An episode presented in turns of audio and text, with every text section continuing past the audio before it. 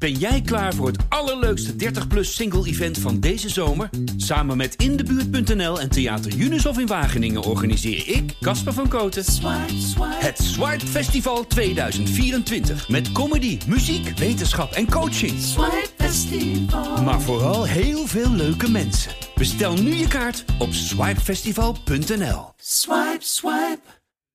John, de films die wij gaan bespreken in deze aflevering zijn samen goed voor 16 Oscar-nominaties. Nou, de Oscars, dat hoeft niet alles te zeggen, maar het predicaat meesterwerk viel links en rechts al een beetje voor beide films. Bespreken we in deze show nu al de twee beste titels van 2024. Nou, dat is sowieso een beetje voorbarig. Het is pas februari, het jaar is pas net begonnen.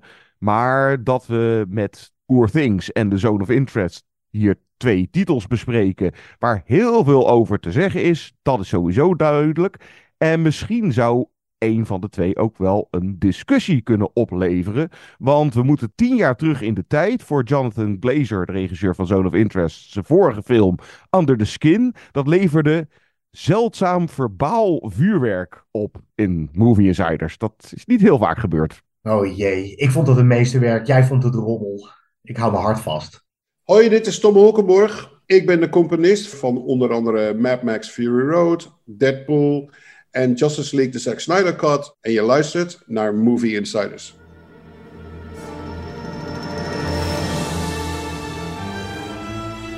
Good evening, ladies and gentlemen.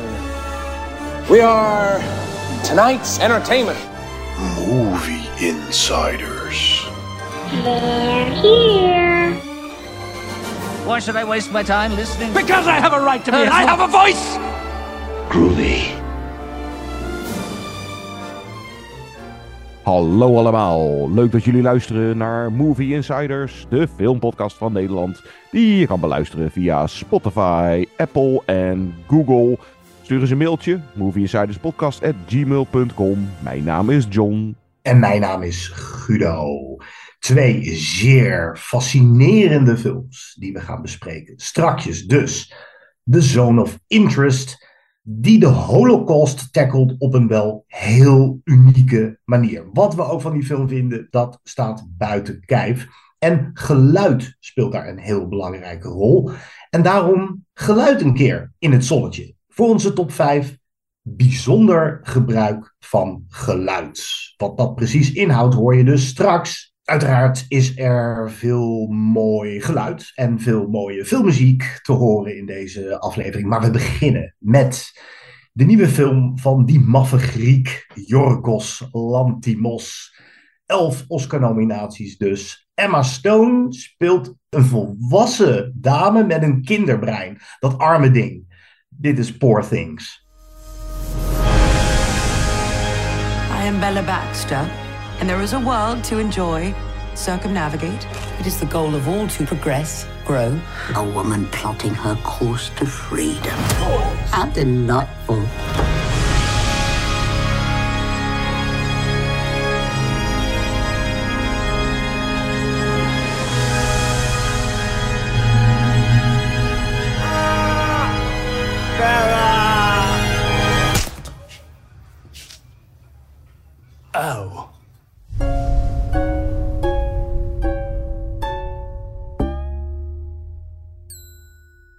Alle trailers, clips, reviews en reacties zullen je nog steeds onvoldoende voorbereiden op het geschifte Poor Things.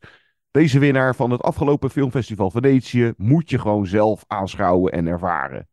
Van de excentrieke regisseur Yorgos Lantimos, die eerder Dogtooth, The Lobster en The Favorite maakte, ook met Emma Stone, die hier de rol van haar leven speelt als Bella Baxter, een jonge vrouw die weer tot leven is gewekt door de briljante en onorthodoxe wetenschapper Dr. Godwin Baxter, een rol van Willem Dafoe. Die heeft het brein van haar ongeboren kind in haar gestopt, zo maar even formuleren, waardoor Bella alles weer moet leren en ontdekken. Van motoriek en spraak tot dingen als etiketten. Eerst leidt ze een beschermd bestaan en wordt geholpen door assistent Max, Rami Youssef. Maar zodra de boel begint te prikkelen, gaat ze er met de gladde en losbandige advocaat Duncan Wedderburn, Mark Ruffalo, vandoor en beleeft een wervelend avontuur over de hele wereld. Bevrijd van de vooroordelen van haar tijd, wordt Bella standvastig in haar doel om op te komen voor gelijkheid en bevrijding. Guido, wij zagen deze krankzinnige film een paar maanden geleden al op het Leids Filmfestival. Jij met een hartslagmeter om. Uh, wat is het meest bijgebleven van deze hoer van Frankenstein? Of Barbie voor intellectuelen of geesteszieken? en dat, van die hartslagmeter, dat moet ik nu gaan uitleggen. Want dat is een teaser waar de luisteraar dan wel nieuwsgierig naar is. Nou, ik deed mee aan een soort sociaal experiment. Waarbij uh, tijdens het Leids Filmfestival enkele bezoekers van films een hartslagmeter, een horloge, die hartslagmeter, die, die kregen we om om te zien of er merkwaardige, opvallende pieken waren tijdens momenten van angst, bijvoorbeeld, of tijdens momenten van erotische spanning. En de meter sloeg een paar keer uit bij het zien van niet alleen een naakte Emma Stone, want die is nou ja, volgens mij meer naakt dan niet naakt te zien in deze film. Bijna zoveel dat het niet leuk meer is. Bijna dan. Dat het bijna begint te wennen. Uh, dat het bijna opvallend is van, hé hey, verrek, ze heeft een gewaad aan. Um, dus ja, die sloeg een paar keer uit. Niet zozeer omdat ik een grote Hollywood-actrice naakt zag, maar omdat er pittige seks in zit. Uh, een, een, soort schaamteloze seks ook. En dat is me dan ook het meest bijgebleven. Er is me heel veel bijgebleven van deze film. En ik wil hem heel graag een tweede keer zien. Dat is er gewoon niet van gekomen. Voor deze recensie was dat perfect geweest. Had ik misschien nog meer de diepte in kunnen gaan. Maar als je me nu vraagt wat is je het meest bijgebleven van Poor Things, dan is het toch de seks. Omdat je dat tegenwoordig niet meer zo heel veel ziet. Zeker niet in nou ja, dit is geen mainstream titel, dat moeten we niet vergeten. De, de films van Jorgos Lantimos, je noemde al uh, enkele andere titels uit zijn oeuvre. Het is eigenlijk een godswonder dat die man het, het hoofdpodium van Hollywood heeft weten te bereiken. En het hoofdpodium van de Oscars. Met zoiets dwaas als Poor Things, elf Oscar-nominaties scoren, is echt geweldig. Uh, dat is alleen al gaaf. Maar ja, die, die seksscènes. Ik kan me voorstellen dat filmmakers daar in het post-MeToo tijdperk. Sommige mensen vinden het, nog, uh, het woordje post nog niet terecht. Uh, zijn daar voorzichtig mee. En hier is het volstrekt logisch. logisch. Ja, ja. ja, het is logisch en het is ook echt functioneel naakt en functioneel erotisch. Want het gaat over iemand die de wereld voor het eerst ontdekt. Het heeft ook iets freakies dat iemand met een kinderbrein het op een seksstorm uh, zet maar ze heeft nu eenmaal een volwassen lijf, dus ook volwassen hormonen. En ze heeft een ongeremde nieuwsgierigheid. En seks is heel iets vanzelfsprekends, iets logisch, iets wat ze wil ontdekken. En iets waarvan zij vindt dat de buitenwereld er nogal moeilijk over doet. Jongens, seks is toch lekker? Waarom doen mensen dat niet elke dag, de hele dag door? Zegt ze op een gegeven moment, die Bella Baxter. En dat geeft aan wat een fascinerend personage zij ook is die ongeremdheid, daar gaan we het vast uh, nog verder over hebben strakjes. Maar ja, dit is de manier om het ook niet alleen om seks te laten zien, maar ook om het over seks te hebben in cinema. Want het gaat over etiketten. En het gaat over het feit dat we als wij iets eh, seksueel getint op het scherm zien, dat we al snel rode oortjes krijgen. Waarom is dat eigenlijk? Waarom hebben we dat met elkaar afgesproken dat we daar rode oortjes van krijgen? Waarom moeten we daar enige gêne bij voelen? Dat is misschien ook wel gelijk één van de cruxen van het geweldige Poor Things. Een van de vele, inderdaad. Ja, wat mij uh, het meest is bijgebleven. Ja, het personage. Ja, Emma Stone toch vooral. Want die speelt hier zo'n onvergetelijke rol. En nou ja, van mij natuurlijk, ze mag die Oscar, uh, wat dan haar tweede zou zijn, want ze won er al eentje voor La La Land. Ze mag hem absoluut winnen hoor, maar oeh, of mijn stem naar haar of Lily Gladstone voor Killers of the Flower Moon zou gaan, dat uh, weet ik eigenlijk nog niet. Maar gewoon in haar motoriek en in haar mimiek en in haar spraak, uh, zeker in het begin, ja, ze moet alles nog leren, maar ja, dat is zo briljant door haar gespeeld. Je ziet echt gewoon een kind in een volwassen lichaam rond hobbelen in eerste instantie. Eh, wat, wat ook voor veel hilariteit eh, zorgt. En dan inderdaad het gewaagde. Eh, dat Emma Stone eh, ja, gewoon niet moeilijk deed over dat vele naakt eh, hier in deze film. Ja, jij zei net kinderbrein. Maar ja, zij maakt ook eh, ja, evolutie of revolutie, daar komen we zo nog wel. En emancipatie mee. Hè? Het, het, leren, het, het, ontdekken en het ontwikkelen. En tegen die tijd is zij natuurlijk in de puberteitfase beland. Uh, het is dan een puberbrein in een volwassen vrouwenlichaam. Dus niet meer, het is, het is geen klein kind meer. Maar ja, dat zij. En het is ook maar net hoe je het, hoe je het bekijkt. Want lichaam en brein en hormonen, dat je, je kan onmogelijk zeggen ze is nu in de puberteit. Het, het, het een werkt op het ander. Uh, snap je? Ja. het is een soort versnelde evolutie. Ja, en kijk, in het uh, begin zou je kunnen zeggen, zit er nog een uh, ja, verse geest in, of die nog kneedbaar is. En kijk, dat zij uh, beschermd wordt, opgevoed, of eigenlijk wordt opgesloten door Willem Dafoe, Godwin Baxter, is begrijpelijk, want ja, dat laat je zeker de eerste paar, eh, paar jaar. Of, ja, ze, ontwikkelt vrij snel. Volgens mij is de, de tijdspanne is anders. Maar hè, dat je dat niet uh, in de buitenwereld loslaat, dat, dat snap ik. Want dat, gaat niet. Maar op een gegeven moment komt het op een punt dat zij ja, wil op ontdekking. Of ze, ze, hè, ze wil zich ontwikkelen. En dan is dat gewoon niet vol te houden om haar de hele tijd maar opgesloten te houden. Want ze wil vrij zijn. Hè, het is een crea creatie die bereikt, bereikt de, nou, zeg even de puberteit of de seksualiteit seksualiteit. En inderdaad, wat je net al zei, zo heel mooi van. Uh, nou, ze, ze ontdekt haar eigen lichaam. En dan is het uh, de geloofde huishoudster. Dat doet een dame niet. Waarom niet? Dat is wel hartstikke lekker. Dan wil je toch de hele tijd aanzitten. Maar ja, dan komen daar bijvoorbeeld normen en waarden bij kijken voor die tijd. Ik, het wordt nooit genoemd, maar ga er even vanuit dat het speelt ongeveer in de 19e eeuw of zo. Ja, en omgangsvormen in die tijd waren nog anders. Sowieso de rol van de vrouw in die tijd was anders. En kijk, daar kan je al heel snel dan weer feminisme aan linken. Hoe zij op een gegeven moment bijvoorbeeld, hè, om nog even terug te komen op die seks, er ook een vorm van uh, nou, vrijheid, dat zij er zelf achter komt van als ik ja, de hoer uithang of de hoer word, dan krijg ik ook nog eens betaald voor datgene wat ik gewoon lekker vind om de hele tijd te doen. Oh ja, waarom zou ik het eigenlijk niet doen? Hè? Ja, de, de vrijheid die zij op die manier, maar op een gegeven moment ook de vrijheid voor haar om bijvoorbeeld educatie te volgen, een uh, opleiding, uh, uh, kennis op te doen. En ja, dingen als identiteit uh, en mens zijn, uh, emoties die daarbij komen kijken. Dat kan je er ook allemaal nog uithalen. En uh, de laatste acte van de film, zonder hem te spoileren, zat ik na de eerste kijkervaring, liep ik er wel een beetje uit van, ja, was die nodig? Of had hij. Nou ja, hij was eigenlijk ook wel een soort van nodig. Want om dan even het linkje met Barbie te maken. Dat is waar zij dan afrekent met het patriarchaat. in deze ja. film. Nou ja, om nog één keer Barbie erbij te halen, want het, er zitten frappante overeenkomsten in. Maar met een beetje fantasie is Poor Things natuurlijk een soort brutaal nichtje van Barbie. Wat zou er gebeuren als de pop uit die film van Greta Gerwig een, een vagina, een, een enorme hormoonhuishouden zou hebben. En dan de echte wereld zou binnenwandelen. Ja. Dan krijg je dus Poor Things. Um, en ze worden allebei feministisch genoemd, maar ik, het is grappig. Daar zat ik uh, laatst over na te denken. Er is veel gemopper op feministische cinema. Of gemopper. Er zijn bepaalde mensen die daar weer moeite mee hebben. Vooral als het er te dik bovenop ligt. Maar ik denk dat Poor Things een van de eerste films is.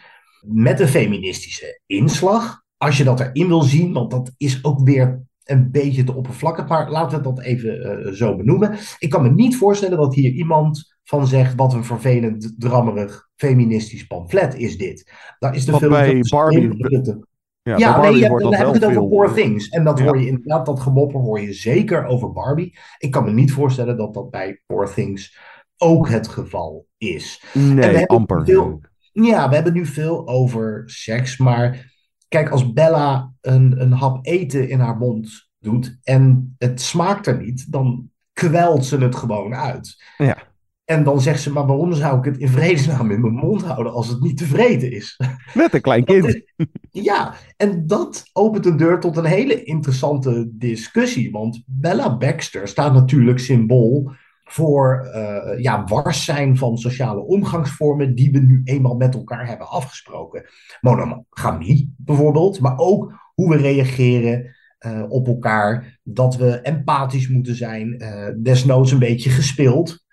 Bella is volstrekt onafhankelijk van geest. En dit is een extreme uh, vorm daarvan. Maar ik denk ook dat we er wat van haar kunnen leren. Dat open-minded zijn. Als je het even heel. Als je het feministische schilletje er even afhaalt en je gaat er een beetje boven zweven, staat Bella Baxter misschien ook wel symbool voor iets wat we met z'n allen misschien wel eens dreigen te vergeten of te verliezen. Namelijk open-minded zijn en nieuwsgierig blijven naar alles om je heen. Ja, en dat wordt inderdaad ook uh, fantastisch verbeeld in deze film. Die sowieso, dat is het volgende waar we over kunnen gaan hebben, visueel echt verbluffend is met de production design.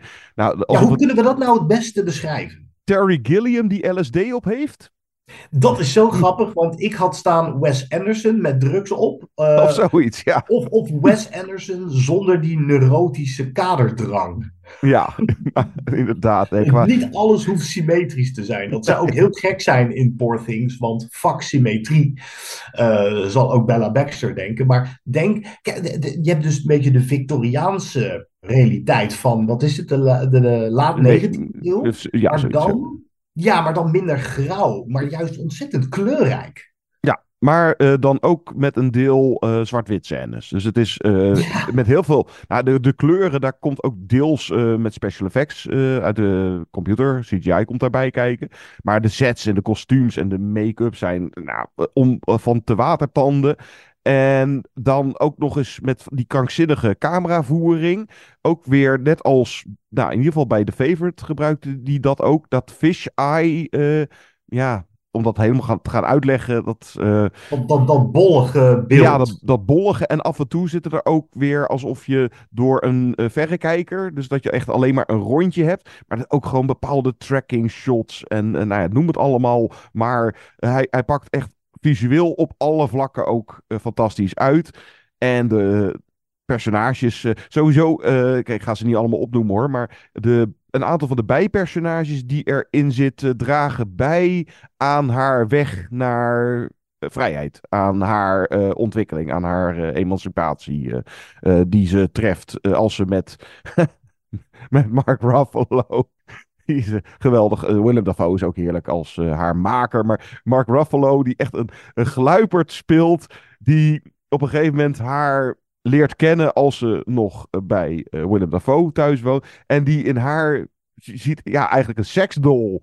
Hij, hij ziet een, een, een, een meisje. Wat alleen maar daar zin in heeft. En hij denkt van nou kom jij maar even mee, daar kunnen we lol mee beleven. Maar ondertussen tijdens die trip, uh, of in ieder geval dat deel van de trip uh, die zij samen maken, ontwikkelt ze, zij zich verder. En dan komt er, uh, de, de, ja, zij blijkt niet te temmen. En nou, onder meer die, die da onvergetelijke dansscène. Als u ja. nog een keer een top 5 dansscènes. Nou, hier zit er eentje in, joh. En, en de dialogen ook van nou, alle karakters. Is echt, nou, het is echt heerlijk om nog even te blijven bij Duncan Weatherburn, wat een geweldige naam trouwens. Ik vind Bella Baxter ook een geweldige naam. Dit zijn filmpersonages die je altijd zullen bijblijven. Maar de grap is natuurlijk dat mannen beschouwen Bella al snel als een soort van lustobject. Daar kun je lekker je, eh, je lust op bot vieren, want zij heeft toch altijd zin. Uh, maar die mannen, eh, ze hebben wel last van zaken als jaloezie, en rolpatronen. Jij bent een vrouw en ik ben een man, dus ik ben toch een beetje de baas. Uh, zeker in, in de tijd, of de, een beetje de fictieve Victoriaanse tijd waarin het zich afspeelt. Maar dat is iets waar we ook in het nu nog steeds, denk ik, een beetje last van hebben. Um, eigenlijk omdat zij dat soort karaktereigenschappen niet heeft. En hm. dat, dat moraal totaal mist en dat soort etiketten. Is zij eigenlijk altijd mannen de baas en dat, dat is denk ik een van de geweldige vondsten van deze film. En daarin zit het verstopte feminisme misschien wel. Maar dat wordt op zo'n unieke en ook zo'n hilarische wijze verpakt. Want we kunnen niet vaak genoeg herhalen, denk ik, in deze recensie, hoe grappig Poor Things is. Kijk, deze film is van Jorgos Lantimos en die heeft asgrauw werk afgeleverd. The Favorite was misschien al een van zijn meer komische films, maar ook daar zat een heel duister randje aan. Poor Things is niet alleen knettergek en geschrift, maar het is ook nog een van zijn meest vrolijke en hoopvolle films. Het einde van Poor Things, zonder al te veel te verklappen, is misschien zelfs wel voor Jorgos Lantimos doen eh, een soort van happy ending. Ja, hoopvol, zeker. Het, het en, en, die, en die Mark Ruffalo, nog heel even naar die Mark Ruffalo. Dat is een briljant staaltje casting. Want hoe kom je erop om deze nou, oversexte advocaat Duncan Wedderburn te laten spelen door Mark Ruffalo? Toch een iets wat meer robuuste kerel. Hij moet ook een beetje een schlemiel spelen. Maar ik denk misschien, ik weet niet of Joris Lantibos uh, zelf de casting heeft bepaald. Uh, daar heeft de regisseur altijd wel wat over te zeggen. Maar de vondst van laten we daar Mark Ruffalo voor vragen, vind ik zo geweldig. Ik vind het altijd prachtig om te zien dat een bekend acteur eens een keer iets totaal anders speelt. En Mark Ruffalo is in één klap zijn, zijn Hulk-imago wel kwijt. Ja. Die speelt dan de, de meest verrassende rol. Uh, ja, de meest verrassende rol. Ja, ja kijk, wat, wat, is geen. Emma, wat Emma doet is uh, ja, ook deels wel verrassend. Maar hè, zoiets hebben we ongeveer wel een keer eerder van haar gezien. En Willem Dafoe die heeft zeker zo'n soort personage wel eens eerder in zijn carrière gespeeld. Maar wat jij net zei van, nou ja, niet mainstream. Ja, inderdaad, het is niet mainstream en het is iets compleet geschrifts. als we nog even naar de elf Oscar-nominaties van deze gaan. Of die er iets van gaat verzilveren, dat moeten we even afwachten. Of Emma Stone inderdaad haar tweede pakt. Maar bijvoorbeeld iets van production design of camerawerk. Uh, tuurlijk, Hoyt uh, moet hem een keer winnen, maar deze zou toch Oppenheimer, ja. Ja, deze zou toch bijvoorbeeld camerawerk... Uh, maar afgelopen jaar won natuurlijk een Everything Everywhere All at Once. En nou, dat zou dan dit jaar een soort tweede vergelijkbare, compleet gestoorde. Eh, hmm. zo van, eh, dus dat zie ik ook. Uh, Oppenheimer gaat gewoon winnen hoor. Maar dit is wel inderdaad. nou, er zitten hier zulke lijpe dingen. Oh, wat dacht je van die combi-dieren? Daar hebben we het nog niet eens over gehad. Dat, die moet je maar gewoon gaan zien. die moet je maar gewoon gaan zien. Maar dat die nu een paar maanden later nog steeds in mijn hoofd rond spookt, dat mogen duidelijk zijn. Omdat hier er zit sowieso gewoon heel veel in. En dan kijk je nog even de trailer terug. En dan is het wel van, oh ja, dat inderdaad. En oh, dat met de, nou, daar en op, die, op dat cruiseschip en weet ik veel. En kijk, dat ik deze binnenkort dus zeker een tweede keer. En dan met vrienden uh, die hem ook heel graag uh, willen zien. Maar dit is uh, in ieder geval wat mij betreft dan wel een film die duidelijk op meerdere manieren prikkelend werkt. Ja, nee, zeker weten. Al is het maar omdat op unieke wijze en hele speelse wijze ook best wel hele interessante dingen echt worden aangesneden. Dit is niet alleen maar om te lachen en voor de maffigheid. Weet je, dus Joris Lantibos staat bekend om zijn excentrieke cinema, maar hij heeft ook echt wel wat te melden.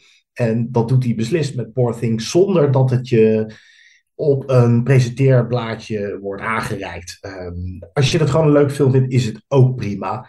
Maar daar prikkelt iets. Uh, er blijft iets hangen. Want is het filmpersonage Bella Baxter uh, inderdaad geniaal gespeeld door Emma Stone? En wat mij betreft, als ik zou mogen kiezen, dan misschien moet zij gewoon maar weer winnen. Want dit is zo'n unieke acteerprestatie. Zo technisch perfect ook. Is zij nu een freak? Of juist iemand van wie we dan toch stiekem iets kunnen leren. Dat is toch wat ik na alle seks overhoud van Poor Things. Wedderburn became much weepy and sweary when he discovered my whoring. I find myself merely jealous of the men's time with you, rather than any moral aspersion against you. It is your body, Bella Baxter, yours to give freely. I generally charged 30 francs. Well, that seems low. Oké, dat was de eerste van de twee zeer interessante titels die wij deze podcast behandelen. De ander, The Zone of Interest. Die nieuwe Holocaust-film. Dat klinkt heel plat, maar uh, daar valt ook uh, het een en ander over te zeggen. Die straks een bespreking. En naar aanleiding daarvan hebben wij een top 5 bijzonder gebruik van geluid. Maar we gaan eerst een stukje muziek draaien ook voor een Oscar genomineerd. Nou, zo lijp als Poor Thing is, zo is ook de score van componist Jurskin Fendrix. Van uh, raar als je gaat husselen met Jimi Hendrix. Nee, Jurskin Fendrix, niet Jimi Hendrix. De muziek van Poor Things. Tot zo.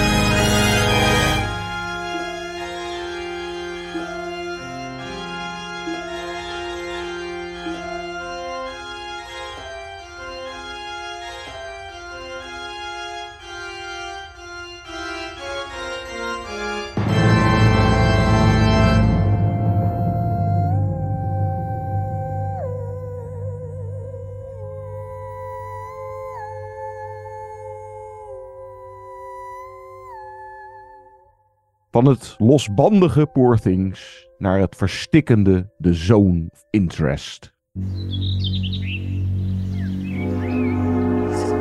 Das ist ja wunderschön.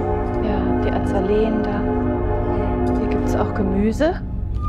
Bisschen Kräuter, auch Rosmarin. Hier ist rote Beete. Die- Das ist Fenchel. Die Sonnenblumen. Ja. Und hier ist der Kohlrabi. Die Kinder essen wahnsinnig viel Kohlrabi. Die herrliche Zeit, die wir im gemütlichen, im gastlichen Hause Hörs verlebten, wird immer mit zu unseren schönsten Urlaubserinnerungen gehören. Im Osten steht unser Morgen. Herzlichen Dank für eure nationalsozialistische Gastfreundschaft.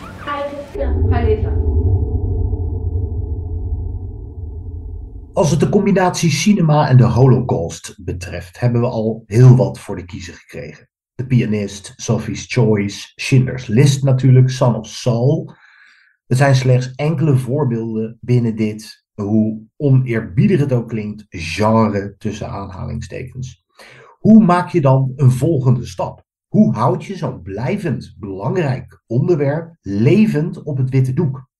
Wat je ook vindt van het Duits gesproken The Zone of Interest van de Britse regisseur Jonathan Glazer. Je hebt waarschijnlijk nog nooit zo'n aanpak voorgeschoteld gekregen. Alleen al bij de eerste pak een beetje drie minuten weet je naar een radicaal ander soort film te kijken. En te luisteren. We horen stemmen, vogels, vreemd vervormde muziek. Het beeld blijft nog even op zwart. En dat is geen interessant doenerij, want in de zone of interest speelt geluid een essentiële rol. Ook na die hypnotiserende opening blijft de kijker alert op alles wat hij hoort. We volgen nazi-kampcommandant Rudolf Höss, zijn vrouw Hedwig, gespeeld door Sandra Hüller, voor een Oscar genomineerd in Anatomy of a Fall, en hun vijf kinderen tijdens de dagelijkse handel en wandel in hun woning, die recht, echt letterlijk recht voor de poorten van Auschwitz staat. Ze leiden er een luxe leventje, terwijl letterlijk achter de schutting de moordfabriek op volle toeren draait. En we blijven grotendeels ook binnen die schuttingsmuren. Het kamp zien we dus niet van binnen. De vreedheid wordt gevat in geluid. Of de familie Hus leerde zich niets aan te trekken van het geluid en het feit dat in de achtertuin dagelijks duizenden mensen doelbewust de dood werden ingejaagd, of het interesseerde ze echt geen reet. Terwijl Hedwig glimmend van trots een bontjas van een gevangene past, horen we op de achtergrond de zoveelste trein arriveren. Pistoolschoten, gekrijs. Er lijkt maar één ding dat de familie Hus echt zorgen baart. Mogen ze hier blijven in hun paradijsje? Of ligt een overplaatsing op de loer, waardoor ze deze idylle, ik plaats haar weer wat aanhalingstekens, moeten verlaten? Ik zag de Zone of Interest al bijna een jaar geleden op het filmfestival van Cannes, grotendeels zonder voorkennis. Jij, John, zag hem zeer recent, waarschijnlijk al iets meer wetende wat je te wachten stond. En je hoorde misschien ook al het predicaat meesterwerk een paar keer voorbij komen. Maakte de Zone of Interest toch ook een even verpletterende indruk op jou? Of krijgen we nu een even moeizaam gesprek als tien jaar geleden over Jonathan Glazer's vorige film, waar je toen zoveel moeite mee had, Under the Skin?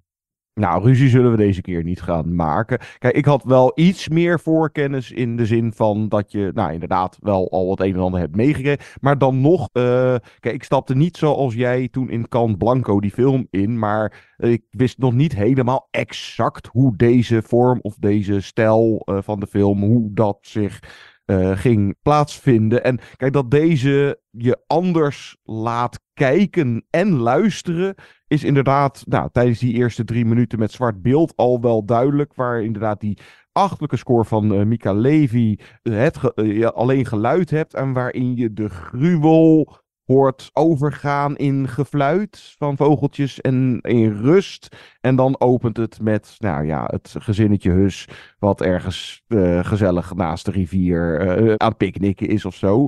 Maar kijk, deze vorm van Jonathan Glazer, zijn mise en scène, met van die strakke kadering en op één of twee tracking shots na, maar eigenlijk bijna alleen maar statische shots.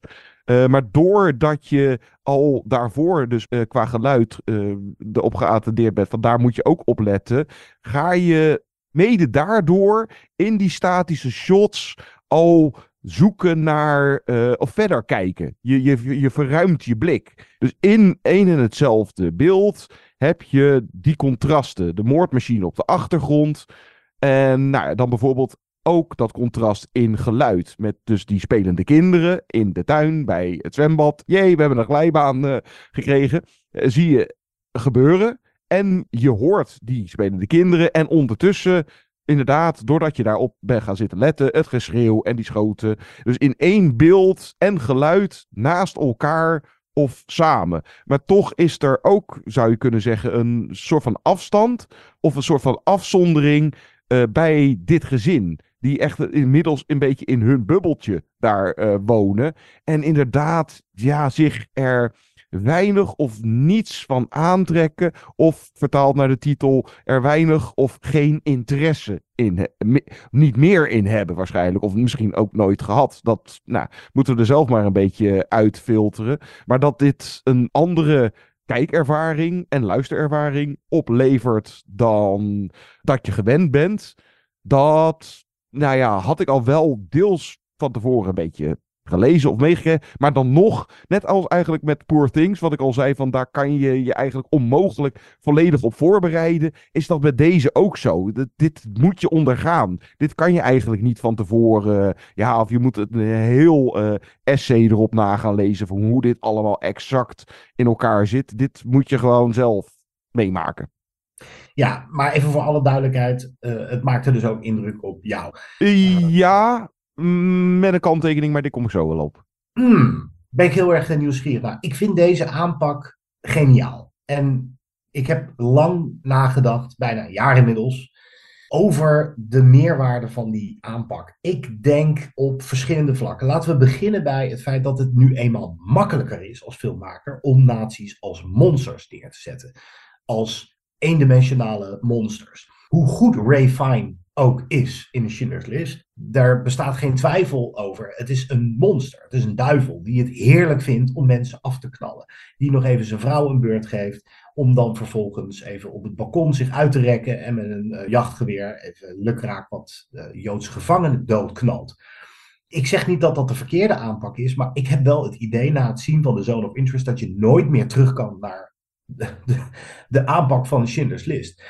Je moet monsters ook als mensen laten zien, omdat het mensen waren. En dan pas begin je je te beseffen dat uh, mensen zijn zoals jij en ik, uh, die opgroeien in een heel ander milieu, uh, dat zij hiervoor verantwoordelijk zijn. En dat dat gevaar voor herhaling altijd op de loer kan liggen.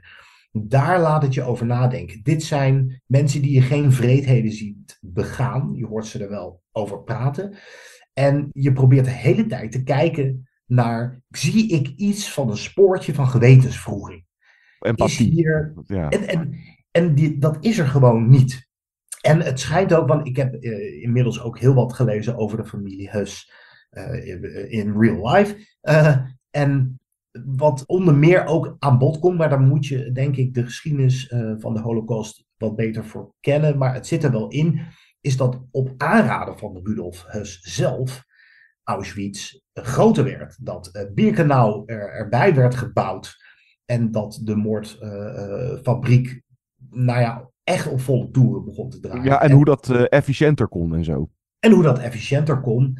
En, en, en zijn vrouw Hedwig is ook echt trots op haar paradijsje. En zij heeft daar ook totaal geen moeite mee. Wat ontzettend interessant is in deze film, is dat op een gegeven moment de moeder van Hedwig langskomt. Ik, ik zal niet alles verklappen, maar je vraagt je, als zij uit beeld verdwijnt, vraag je af, vertrekt zij nou omdat ze die geluiden niet trekt? of dat ze het verschrikkelijk vindt wat daar gebeurt achter die schutting. Of omdat ze gewoon die geluiden niet trekt en daardoor gewoon niet lekker kan slapen. Dat Ja, zijn dingen inderdaad, die in kijk, hoofd eh, blijven spoken. Ja, want eh, hè, vooral eh, zeg even de gezin Hus, of in ieder geval Hedwig en Rudolf. Hè, de kilheid en de desinteresse, die er misschien vanaf het begin af aan of altijd al wel is geweest, maar komt ook deels door de gewenning. Dat ze al zo lang daar wonen en die geluiden inderdaad niet eens meer horen. En Hedwigs moeder heeft dat stadium nog niet bereikt. Dus die kan daar waarschijnlijk dus niet tegen. En schrikt daarvan wakker. Of die staat uit het eh, raam te kijken van... wat zie ik daar nou eh, branden in de, in de verte. Maar eh, het burgerlijke gezinnetje wat het inderdaad is... met nou, dingen als regelmaat en ook nou, de, vooral de, de, de rust... en gewoon de dagelijkse dingen en het uitje bij de rivier. We gaan even met bootje varen, een beetje vissen en zo. En dan, ja, je ziet eigenlijk al in de details... Oké, die, die op de achtergrond eh, bijvoorbeeld. Maar hè, wat jij zei met die bontjas. Of van die gouden tanden die eh, de, een van de zoontjes dan heeft gekregen. Of de as in de rivier die opeens eh, voorbij komt drijven. Daarin zie je bij kijker van wat er daar gebeurt in het kamp. waar we geen beelden van krijgen. Maar je ziet ook dat dat gezin ja, op een punt is, of in ieder geval die ouders op een punt zijn gekomen, de desinteresse. Met het mooiste voorbeeld daarvan misschien wel, ik geloof dat Hedwig haar moeder aan het rondleiden is door haar tuin. En dan zegt van, ja, die wijnranken, ja, die moeten nog even doorgroeien om dan die muur aan het zicht te onttrekken. Van dan, dan, dan hebben we daar ook, dan, dan, dan valt het ook niet meer op. En kijk, het beetje plot, wa- wat eigenlijk zit er niet zo heel veel, eh, maar het beetje plot wat er dan op een gegeven moment in zit, met betrekking tot die overplaatsing van Rudolf naar een ander kamp. En Hedwig die daar ja, boos... eh, Flipt. ja, een soort van. Ja, dit is, hè, dit is toch ons huis. En wij hebben hier ons eh, hè, paradijsje gebouwd. En wordt ons dat nu dan afgenomen? Dat zijn van die momenten dat je echt inderdaad even schrikt van... Oh ja, als je je daar druk om maakt... Ja, maar de crux van de Zone of Interest, John, is, eh, je zei net desinteresse. Ik denk dat dat een goed samenvattend woord is. Maar door de vorm van deze film, dat je dit niet ziet, maar alleen hoort en naar mensen kijkt die ervoor verantwoordelijk zijn, maar zich er proberen zo min mogelijk van aan te trekken en die het eigenlijk gedogen of goedkeuren zelfs of aanmoedigen. Het gaat over wegkijken van het leed van anderen, zelfs als je er pal naast zit, letterlijk. En ik vind dat misschien wel een van de beste vondsten ooit in de filmgeschiedenis, als het gaat over films die over de Holocaust gaan, eh, om de kijker mee te geven waarom het belangrijk blijft om deze verhalen te blijven vertellen, om de Holocaust levend te houden in onze herinnering. Want het gaat over wegkijken. En ik, het sprak mij ook als kijker aan. Ik bleef ook na afloop van de film ook een beetje met koude botten achter in mijn stoel. En ik voelde me aangesproken en ook beschaamd. Want we kennen allemaal dat gevoel dat er iets gruwelijks gebeurt in de buurt. Of, eh, nou ja, eh, in Gaza of zo, ik zeg maar wat. En dat we niks doen. En dat we vooral het belangrijk vinden dat ons eigen leventje, dat dat in orde is. Dat wij het goed hebben. Wij kunnen er niks aan doen dat wij eh, hier in Nederland wonen en niet in Gaza. Wij kunnen er niks aan doen dat wij van Arisch bloed zijn en niet Joods. Dus ehm, als wij het maar goed hebben, is het prima. Ik heb nu eenmaal het privilege van een goed leven. Ik kan een goed leven leiden. Waarom zou ik me dan druk maken om het leed van anderen? Dat gevaar ligt, eh, ligt op de loer en dat is iets van alle tijden. En dat maakt de Zone of Interest, denk ik, zo'n cruciale film. Ja, zeker. Want inderdaad, kijk, de Holocaust verbeelden, dat is altijd onderwerp van discussie geweest door de hele filmgeschiedenis. Wat je wel en of niet toont, of laat horen ook in dit geval. Hè, en de relatie dan tussen esthetiek en ethiek. En ja, bijvoorbeeld eh, over ja, moraliteit. die eh, hier, of bij deze eh, personages, of deze figuren, die echt bestaan hebben natuurlijk, maar afwezig is. Of ja, die hebben gewoon een, een, er bestaat een afstand tot dat wat er gebeurt. Of de, zij hebben zelf die afstand misschien gecreëerd. Maar het was wel zo dat, en dat kan dan komen, denk ik, door de vorm of door de stijl, die eh, terecht natuurlijk eh kil is. En dat past ook zeer. Maar het was wel zo dat ik een beetje op een punt zat naderhand, of nu nog steeds, van het deed me niet zoveel. In de zin van, ehm, nou ja, als je het bijvoorbeeld vergelijkt met andere Holocaust-titels, als bijvoorbeeld een Son of Saul, of misschien zelfs een List, die zouden we eigenlijk eens een keertje moeten rewinden van, goh, hoe kijken wij daar nu naar? Kijk, die hebben een hele andere aanpak. En misschien is het hier ook niet de bedoeling om eh, bijvoorbeeld emotionele betrokkenheid te hebben bij dat wat er achter de muren, dus in Auschwitz, gebeurt. Want zo'n film is het niet. Eh, dus inderdaad, eh, wat jij aanstipte over hè, dat wegkijken, daar blijf je wel mee in je hoofd Ja, zitten. daar gaat ik- het om. De- Deed ja. dat niks met je dan?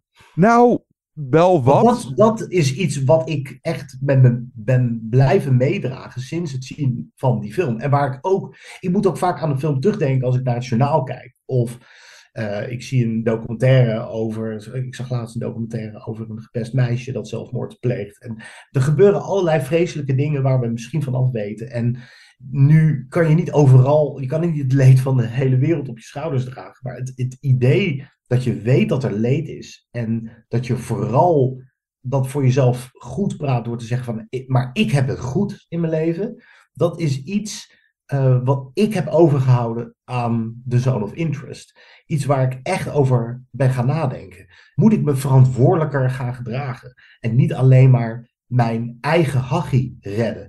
Het is ook de reden dat ik niet op bepaalde politieke partijen stem. Sorry dat ik het nu toch politiek maak, maar ik vind dat veel politieke partijen, ik ga het niet te expliciet hier benoemen, eh, te veel gericht zijn op als wij het maar goed hebben. eh, wij zelf. Ja, Eh, gewoon heel egocentrisch van eh, hè, eh, wat mij eh, raakt of wat dan ook. Dat, dat, dat is van belang. En wat er verder gebeurt, whatever. Ja, Eh, dus dat is wat er bij mij is blijven hangen en wat volgens mij de film wil overdragen. En daar kreeg ik koude bot van. En natuurlijk, het, het, en, en da- daar is dit een extreem voorbeeld van. En die geluiden, die snijden door je ziel. En het is misschien wel effectiever dan de gruwelen zelf in beeld brengen. Ook omdat Jonathan Glazer daar niet aan wil. Eh, hij heeft waarschijnlijk ook gedacht, dat hebben we al genoeg gezien. En dat moet ook, misschien eh, moeten we dat ook blijven zien, af en toe, eh, zeker, dat, dat, kan. Maar laat ik voor deze vorm kiezen, niet alleen om het op een andere manier tot je binnen te laten komen. Je kan niet steeds hetzelfde doen, je kan niet weer een Schindler's List maken, wat, laten we heel eerlijk wezen, toch gebruik maakt van kunstingrepen als vioolmuziek, eh, zwart-wit en dan dat ene meisje met dat rode jasje. Het, het, het, Mm. gebruikt, het gebruikt toch bepaalde manipulatieve stijlmiddelen die jou net dat, die traan eh, eh, moeten opwekken. De Ja. Interest hoeft geen traan te zien bij de kijker. Nee, en dat- Interest gaat voor iets heel anders. Ja, en, en dat, het is ook een film die ik daarom meer eh, waardeer om zijn vorm, zeg maar. Nou, het- eh, als ik even gewoon twee regisseurs waar ik dat eigenlijk ook altijd een beetje mee gehad heb, waar hun eh, nou, meesterwerken meer waardeert, zoals eh, Stanley Kubrick of Andrei Tarkovsky. Hè, daar inderdaad heb ik ook niet zo snel een emotionele klik mee. En nogmaals, wat ik dus eerder zei, van volgens mij dat is ook niet de bedoeling van deze film, want het is inderdaad geen Schindler's List. Trouwens, ook nog even over eh, koude rillingen, wat jij met die thematiek over dat wegkijkt. Maar ik, ik kreeg toch echt, echt wel de koude rillingen van deze twee lui. Dus de Ja, Ru- nee, Ru- tuurlijk. Rudolf, gespeeld door Christian Friedel, die ook de hoofdrol had in Michael Hanekes, Dat is Wijze Band. Wat hier vooral een, ja, het is echt een zwijgende, vooral zwijgende griezel. Maar Sandra Sandra, double Hu- feature trouwens, met dat Ja. Band, maar dat is een andere verhaal. Sandra Hüller als zijn vrouw Hedwig, die is nog enger. Niet alleen qua uiterlijk, maar ook haar, haar motoriek, hoe zij zich voorbeweegt door dat huis. Beetje, beetje lomp, beetje, nou, echt zo'n Duits wijf is dat. Eh, ja, om het maar even plat Ja, te uit, zeggen. uit die tijd. Uit die, uit die uit, tijd. Uit de natie, eh, van de naties, ja. Ja, dus daar kreeg ik ook wel een beetje. En dan heb je nog, kijk, je hebt eh, twee of drie, nou ja, kunstingrepen in de film, zo zou je het kunnen beschrijven. Dat het beeld eh, ook nog een keertje wit wordt of fel rood. En later, naar het einde van de film, daar moeten we maar niet, even niet te veel op ingaan, maar eh, wordt er nog een sprong naar het heden gemaakt. Waarmee de regisseur. eh, Vond ik nou, heel gaaf gevonden trouwens. ja, Vond ik ja heel goed, zeker, zeker. Maar ja, momenten van bezinning voor je, jou als kijker, of dat je even weer, zoals je bijvoorbeeld ook die night vision scènes. Dat is de enige scène, niet zozeer waar ik moeite mee had, maar ik moet hem een tweede keer zien om daar de kracht van te ontdekken. Daar ben ik nog niet helemaal klaar mee. Nee, dat dat van, van onze luisteraars wat zij van die scène vinden, maar je volgt een Joodse. Nee, volgens mij. Maar dat, dat, daarom ook hem dus een tweede keer. Maar volgens mij is het de oudste dochter van het gezin Hus. Die dan misschien als enige nog wat moreel besef of wat medelijden Nee, heeft. nee, met, nee, nee, nee. Nou, Volgens ja, mij dan, zit je er echt naast. Volgens dan mij toch niet. naast. Volgens mij gaat het om een van die Joodse bedienden in dat huis die wat eh, fruit probeert Ja. te smokkelen naar het kamp. Dat is het volgens mij. Maar, nou ja, dat, dat is, Dat- dat is nou, hm, interessant. Dat- misschien zit ik ernaast hoor. was me Eh, niet maar- helemaal duidelijk. Inderdaad, ook. Ja, de, moet je maar zien. dat is ook de manier waarop het gefilmd is. Het, het, het is niet helemaal duidelijk. Het is vaag. En eh, trouwens opmerkelijk, want ik zag hem dus eh, van de week. Dit is een hit in de filmhuizen. Ja. Zo, de mieters. Het, eh, Ja, ja. ik- uitverkochte voorstelling waar ik hem zag. En nou, tijdens mijn dienst vandaag in het filmhuis ook. De zaal zit helemaal vol. En dat is natuurlijk deels door de vele vijf sterren reviews. En de mond-op-mond reclame. En kijk dat dit dus ja, in de toekomst verplichte educatie... als, als filmmateriaal eh, misschien voor op scholen. Zo van, eh, ja, dit gaat over eh, de nazi-buren van Auschwitz. Ja, maar het, het, het is wel zo. Het, ik weet niet of het voor scholen geschikt is, want het, vergt, het vraagt wel enige voorkennis van je. ja, dat misschien wel, ja. En die kritiek is er wel een beetje geweest op de film. Van als je die voorkennis niet hebt, dan schiet de film zijn doel voorbij. Eh, en we leven nu in een tijd dat we dreigen te vergeten eh, wat er met de Holocaust is gebeurd. Want het antisemitisme rukt weer behoorlijk op. Nou, laten we die discussie hier niet voeren.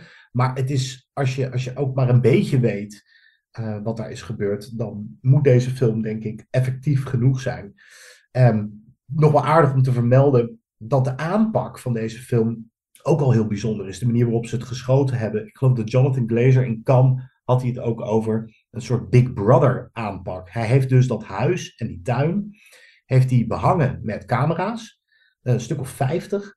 En er waren gewoon dagen dat hij eh, zijn acteurs gewoon zijn gang liet gaan en zei van joh, ga maar stofzuigen en eh, ga maar koken. En de, de, de camera's filmen het wel, jullie doen net alsof jullie een gezin zijn, om de, gewoon de dagelijkse gang van zaken eh, zo goed mogelijk en authentiek mogelijk vast te leggen. En daar gaat het natuurlijk om. Deze mensen, we kijken eigenlijk gewoon naar mensen die eh, een, een, een leven hebben waar ze van genieten en dat ze willen behouden. Maar met alleen de context is zo radicaal dat het een hele andere lading krijgt.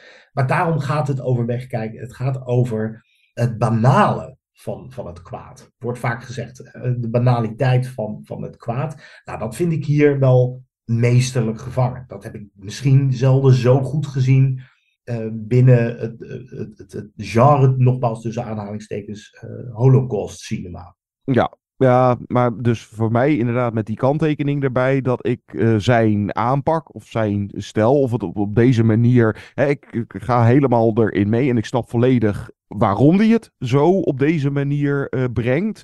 Maar ik heb daar nog steeds wel wat moeite mee. Uh, niet zo erg als dat ik destijds met uh, Under the Skin had. Daar maakte ik gewoon helemaal geen klik mee. En bij deze film is het misschien ook heel, heel moeilijk om er echt een klik mee te maken. Want ja, kijk, bij Holocaust cinema tot nu toe was het al heel snel dat je op zoek was naar die, nou, zeg even soort van emotionele klik. Of je, je, hè, je, je, je wil, eh, eh, ja, ik ga iets eh, gruwelijks aanschouwen en dit moet mij raken, zeg maar. En hier kijk je er niet op die manier naar. Dus dit is Nee, maar heel misschien anders. moet je ook, ja, misschien moet je dat ook een beetje uit je hoofd zetten. En, Ja, en loslaten, Beschouwen ja. als iets compleet anders. Ja. Iets, iets compleet anders dat op een andere manier moet binnenkomen. Nogmaals, dit gaat niet voor de tranen, het gaat niet voor emotie Nee. eh, op, de, op de korte termijn. Dit gaat over, over hele andere eh, zaken. Eh, en heeft, het heeft een heel ander effect op je. Ik kwam echt een beetje beduust ook de zaal uit. Een beetje geschrokken van, oh mijn god. Ja, dit, zo moet het eruit hebben gezien. Zo, zo moet het eruit hebben gezien. En, ge- en gehoord. eh, ja. ja. nou ja, om, om, om het toch nog maar even aan te halen. niet te veel te verklappen van wat er allemaal gebeurt. Maar het gaat over. Ach, uiteindelijk is het gewoon je stofzuiger pakken, stofzuigen en weer naar huis. En de volgende dag is er weer een dag. En dan is het maar hopen dat de dag weer net zo prima is als de dag daarvoor. En eh, als het niet goed gaat, proberen zo snel mogelijk in ieder geval eh, ervoor te zorgen dat jouw leventje, jouw eigen leventje en die van jouw gezin weer zo snel mogelijk op de rails te zetten. En dat eh, gevoel is heel eh, menselijk en heel eh, iets wat, wat we allemaal kennen. Maar dat dat, dat, dat ook kan wringen, dat is wat deze film volgens mij naar de kijker wil communiceren. Ja, dat zou misschien. Ja, dat is nog langere discussie. Maar inderdaad, wat jij net aanstipt, dat zou inderdaad ook zo kunnen zijn dat ik dat gevoel zelf persoonlijk minder heb vanuit mijn eigen leven. Dus dan.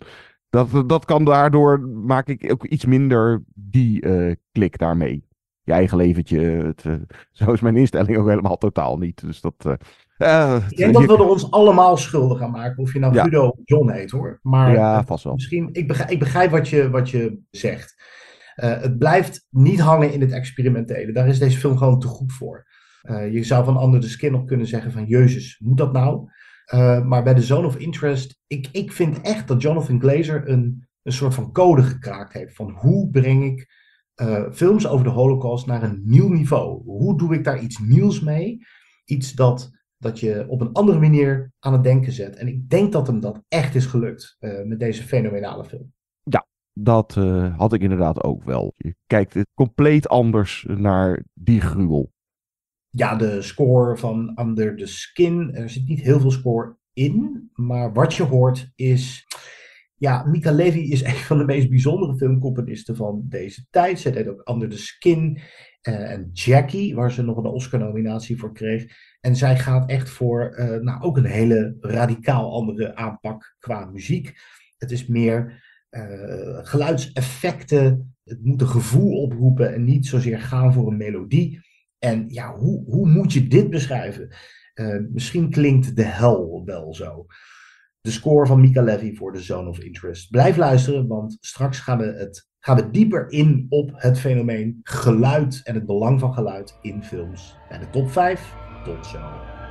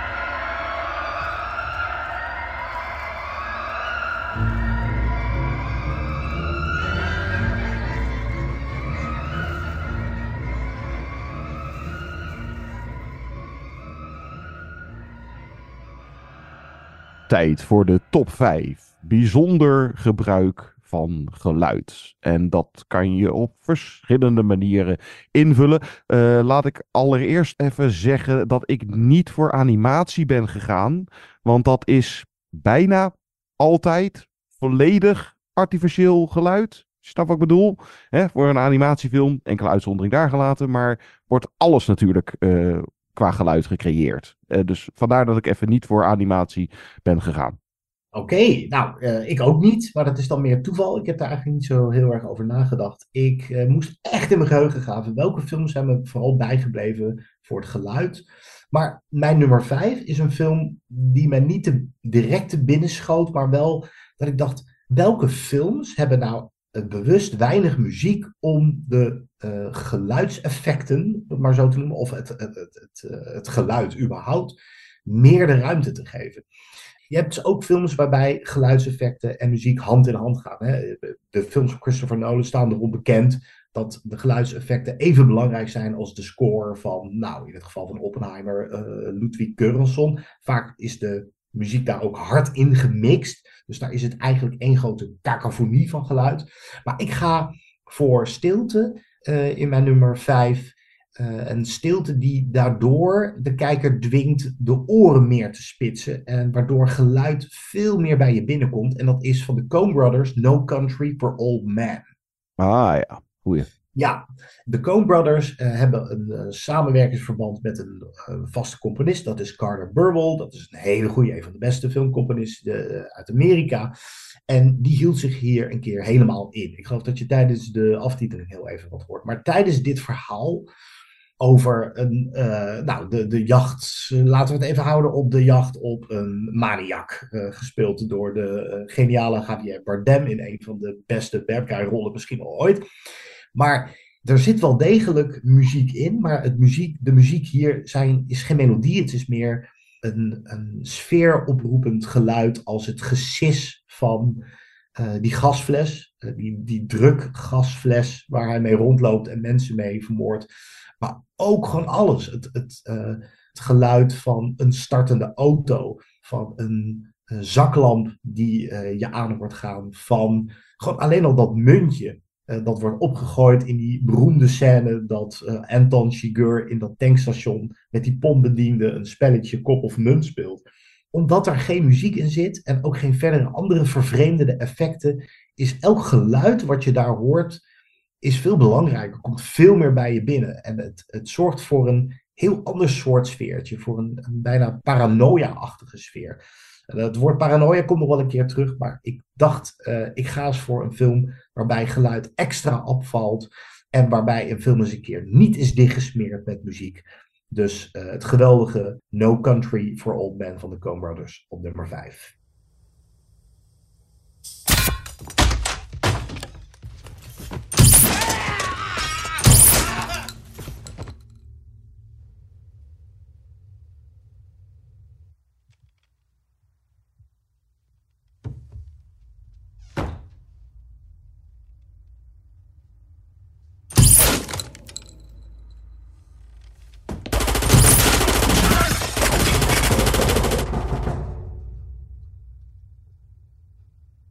Dan mijn nummer 5. We deden ooit die top 5 zintuigen. Dat was toevallig in die podcast met Under the Skin. Mm. Ja. En ik had daar toen bij mijn keuze voor reuk of ruiken, hoe we dat ingevuld hebben, nou, daar ga ik nu even niet meer op in. Maar in ieder geval, nou, een film die je bijna kan ruiken. En dat komt ook grotendeels door het gebruik van geluid. Is het Russische Trutno-beat Bogom, ofwel Hard to be a God uit 2013. Uh, ja, waar gaat die film over? Een andere planeet die nog eens blijven hangen in de middeleeuwen, waar dan wat wetenschappers van aarde. Nou, nou, het is compleet gestoord ook, maar, maar de modder en de stront, het snot, bloed, ingewanden, eten, dieren. Ook door het gebruik van het geluid in deze film. Plus dan het visuele. Alsof, ja, alsof je het bijna kan ruiken. En die Alexei German, deze regisseur, dat was sowieso een perfectionist. Maar hij is van 2000 tot 2006 uh, zijn ze bezig geweest met de beelden filmen. En daarna is hij uh, tot 2013. Toen overleed hij, begin 2013. Terwijl de film nog net niet af was. Dat heeft ze, zijn zoon heeft het uiteindelijk uh, afgemaakt. Maar is hij vooral met het geluid bezig geweest. Dus de post-production, eh, de, ja, alle geluidseffecten toevoegen en weet ik het wat. En dit is echt zo'n film van alsof je er zelf bij bent. Deze zou je in 4DX moeten draaien. Met een inderdaad al strontgeuren en weet ik het wat. Maar dat dit een uh, audiovisueel uh, meesterwerk is. Ja, Hard to be a God. Qua geluid met druppelend stront en, en noem het allemaal maar. druppelend stront. En dat ik die twee woorden nog eens samen zou horen. Maar ik begrijp wat je bedoelt. Ja, het is, het is een walgelijke film. Maar ook wonderschoon is een walgelijkheid. Zoiets. Ja. En inderdaad deels door het geluid. Wauw. Nou, Goeie keuze. Luister maar.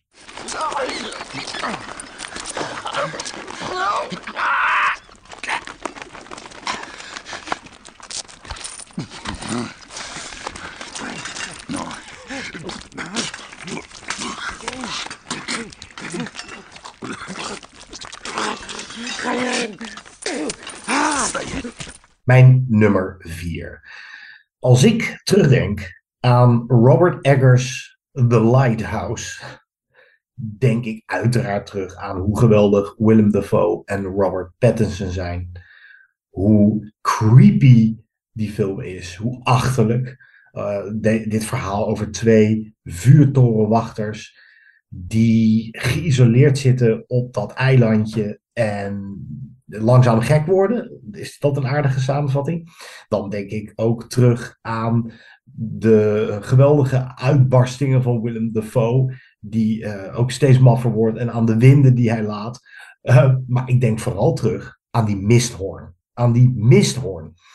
En dat zegt wat. Wanneer denk je nou, uh, als je aan een film terugdenkt, aan een geluid? Dat gebeurt niet zo heel erg vaak. En dit is er eens. En dan noem ik de misthoorn, die steeds op de achtergrond te horen is. Het heeft een heel specifiek brommend, laag, onheilspellend geluid. Dat natuurlijk ook de gemoedstoestand van deze twee personages weergeeft. Maar het, het zijn ook, het is dat, dat constante geluid van het, het huilen van de wind, van de golven van de zee die tegen de bakens aanklotsen en nog veel meer. Het is een geweldige uh, geluidsfilm vooral. Er wordt altijd gezegd over uh, film dat het een visueel medium is, maar plaatjes vertellen maar de helft van het verhaal. En Robert Eggers weet als geen ander dat de andere helft uh, geluid is. En dat je met geluid even goed een verhaal kan vertellen. The Lighthouse is vooral zo creepy vanwege al die merkwaardige uh, geluiden die eigenlijk jou als kijker ook op dat eilandje zetten met die twee personages. En omdat geluid daar zo belangrijk is en het je zo opvalt en de atmosfeer zo griezelig is, is ook het geluid van een zeemeel, vooral als je hem doodmet, zoals Robert Pattinson dat doet, is iets wat je bijblijft. En dat is toch vrij uniek en vrij zeldzaam, zeker in moderne films tegenwoordig. Uh, ik heb nog wel een paar klassiekers in mijn top 5, maar deze moest ik ook zeker genoemd hebben. The Lighthouse. Die misthoorn. Die misthoorn, John.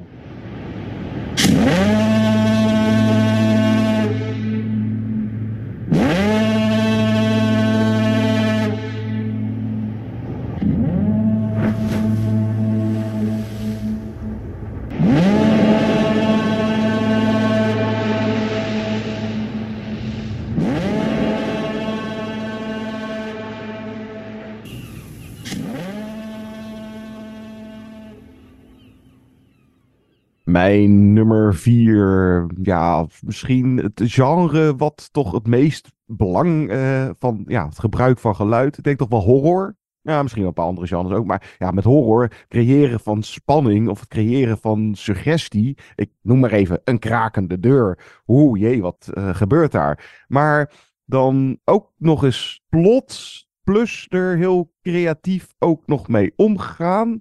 En dan is het eigenlijk gebrek aan geluid, of grotendeels. Of je moet stil zijn. Gaat er al een lichtje branden? Mm, nog niet echt. A Quiet Place. 2000. Ja, oh ja, ja, goeie. Ja, van en met uh, John Krasinski en zijn vrouw, ook in het echt, Emily Blunt. En die monsters, of aliens, wat zijn het, die uh, ja, jagen op geluid. Eh, dus eh, je moet vooral zo stil mogelijk zijn, want ieder geluidje, daar eh, gaan die beesten komen erop af en nou, scheuren je aan stukken. En dan is het ook nog eens zo dat zij, de oudste dochter, is doof. En daar wordt tot een nou, keer of twee toe, of in ieder geval, maar dat je dus tijdens de film ook het geluid uitgaat. En dat je dus eh, het meemaakt vanuit haar beleving. Dus dan heb je echt alleen maar het visuele. Dus dan gaat het ge- geluid ook gewoon uit. En trouwens, dit jaar komt die derde Quiet Place. Nou, van ja, het is een prequel of een spin-off. Eh? Het belang van het plot. Dus die eh, monsters, en je moet stil zijn, geen geluid maken. En hoe, er, ja, hoe dat wordt gedaan in deze film. En daar is nog een ander voorbeeld. Hoop niet dat ik het gras dan voor je voeten wegmaai. Maar die andere, eh, als eervolle vermelding, zal ik hem vast noemen?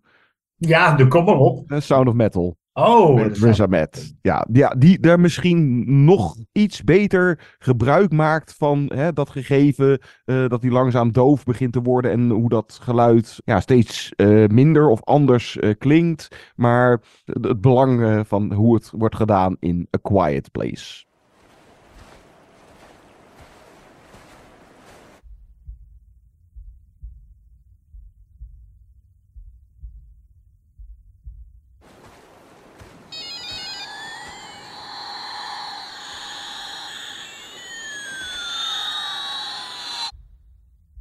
Ja, dat is een, eh, een goede vondst. Ik, ik vind wel dat bij A Quiet Place, wat mij betreft, had dat nog verder doorgevoerd kunnen worden. Het had misschien nog beter. Ja. Ja, gewoon de personages die stil moeten zijn de hele tijd en alles fluisterend moeten doen omdat de monsters ze anders aanvallen. En toch wordt die film weer een beetje dichtgesmeerd met typische horrormuziek. Die, het is allemaal prima, maar ja, het blijft Hollywood natuurlijk. Dus je, eh, je moet je kijken ook weer niet te, ver, te, veel van je vervreemden. Maar nou, naar mijn smaak had het nog extremer gemogen. Had ik nog, nog meer op het puntje van de stoel gezeten. Mijn nummer drie is een klassieker uit 1974. En ik ga voor The Conversation van regisseur Francis Ford Coppola. Als je aan Coppola denkt, denk je natuurlijk aan The Godfathers. En dan denk je aan Apocalypse Now. En aan Jack. Oh nee, niet aan Jack. maar vaak wordt deze film vergeten. En dit is echt een geweldige film met een briljante hoofdrol van Gene Hackman. Eh, wel eens gezien, neem ik aan, toch, John? Uiteraard. Ja. Eh, deze film werd eigenlijk eh, ook vlak na het Watergate-schandaal gemaakt. Ehm, maar ik heb hem al een tijdje niet gezien hoor. Maar volgens mij is de film nog steeds wel relevant. Nou, Gene Hackman is een afluister-expert. Die eh, weet, maar niet wil weten.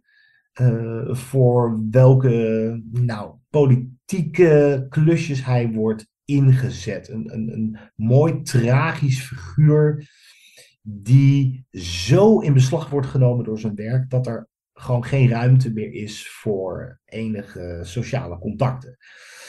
En helemaal geïsoleerd en luisterend op koptelefoon naar eh, wat andere mensen te zeggen hebben in zijn afluisterpraktijken, begaat hij een onvergetelijke fout om persoonlijk bij een zaak betrokken te raken. Laat ik het daarbij houden. Het doet een beetje ook denken, terwijl ik het zo zeg, schiet die film ineens te binnen. Das Leben der Anderen, die Duitse film van ehm Florian van Donnersmarck, heeft ook een beetje eh, dat concept over een man die eigenlijk helemaal geïsoleerd is en zo opgaat in zijn werk en eigenlijk alleen maar de levens van andere mensen die hij afluistert eh, tot zich neemt. Dat zijn eigenlijk zijn vrienden, zou je kunnen zeggen. En het, het is een geweldige film die gaat over privacy en over persoonlijke verantwoordelijkheid. En er zit ook wel een score in, eh, een beetje een eh, melancholische piano gedreven. Een beetje jazzy, eh jazzy score. Jazzy ook, ja. Ook wat wel echt wel past bij dat, dat gebeurde wel vaker. In de jaren zeventig was dat ook een beetje eh, hip om het zo aan te pakken. Maar het, het zijn de stiltes en de geluiden die hij om zich heen hoort, die zijn dagelijks leven vullen. En dat is niet alleen het geluid eh, van de dialogen, van, van de snippersdialoog die hij opvangt, maar ook in dat gebouw waar hij zit, eh, de telefoon die afgaat. Als het heel lang stil is, dan komt het gerikkel van een telefoon drie keer zo hard binnen. Het spoelen van die tapes, maar ook de lift die hij uh, constant op de achtergrond hoort. Dit is zo'n film die je eigenlijk met een koptelefoon ook een à la Gene Hackman moet opzetten. Om al die geluiden de, nog beter tot je te laten doordringen.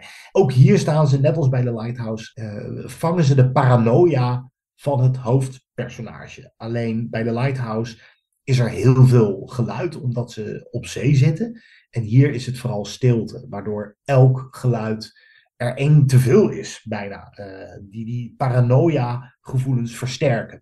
De grap is trouwens wel leuk om te vermelden. Um, The Conversation is een beetje een vergeten meesterwerk, maar was wel degelijk genomineerd bij de Oscars voor Best Picture. Maar hij verloor van. The Godfather Part 2. Ja, van Francis Ford Coppola. Dus ja. Uh, van zijn, uh, ja, hij concurreerde tegen zichzelf dat jaar. Ja. Can't stand it.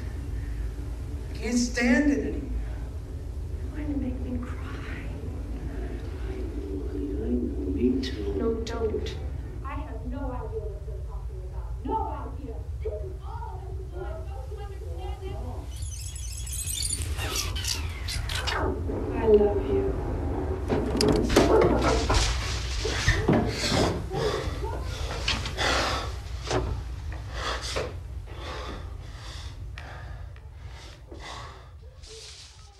Nummer drie, uh, ja, wat ik net zei qua genre, horror. Ander genre, oorlogsfilms. Ja, dat uh, is het. Explosies, uh, geweerschoten. nou, voor mijn nummer drie gaan we onder water naar Das Boot uit 1981 mm, ja, van Wolfgang Petersen. Hij is trouwens, het is allemaal, alles qua geluid is in post-production gedaan. Want de film is stom geschoten. Maar dat kwam mm, doordat okay. ja, ze in zo'n beperkte ruimte zaten. En dat lawaai die die camera's zeker die camera's in die tijd nog, maakten. Ja, overstemde alle andere geluiden en dialogen en weet ik het wat. Dus ze hebben echt alles. Dus ook uh, de gesproken teksten. Ja, in ieder geval dat wat er in de onderzeeër uh, gebeurt. Is allemaal in post-production. Maar vooral dat de ping ping, dus de ping, maar ook het uh, lawaai van de machine van de onderzeeër, uh, de propeller die je in het water hoort. En uh, ja, dat metaal, het, het geluid, het gebonk van metaal of het gekraak van dat metaal van die onderzeeër, want als op een gegeven moment helemaal naar die enorme diepte zakken, begint langzaam vanwege de druk ja, begint dat, dat gekraak van metaal van die onderzeeër die in elkaar gedrukt wordt. En dan de, de diepte, bommen. Maar vooral ook uh, veel gebruik van stiltes. Stiltes van de crew in uh, de onderzeeër. Want ja, ze, moeten stil zijn, omdat ze anders worden. Nou, anders worden ze gedetecteerd of zoiets. Hij heeft het ook mee. Maar vooral het geluid voegt hier ook echt toe aan dat claustrofobische gevoel en de claustrofobische sfeer, als je daarvan kan spreken, in uh, Das Boot. Die trouwens uh, was wel voor wat meer Oscars genomineerd, maar de geluids-Oscars verloor die allebei van E.T. Oh! Ja. Maar ja, luister maar even naar uh, wat pinggeluidjes uit Das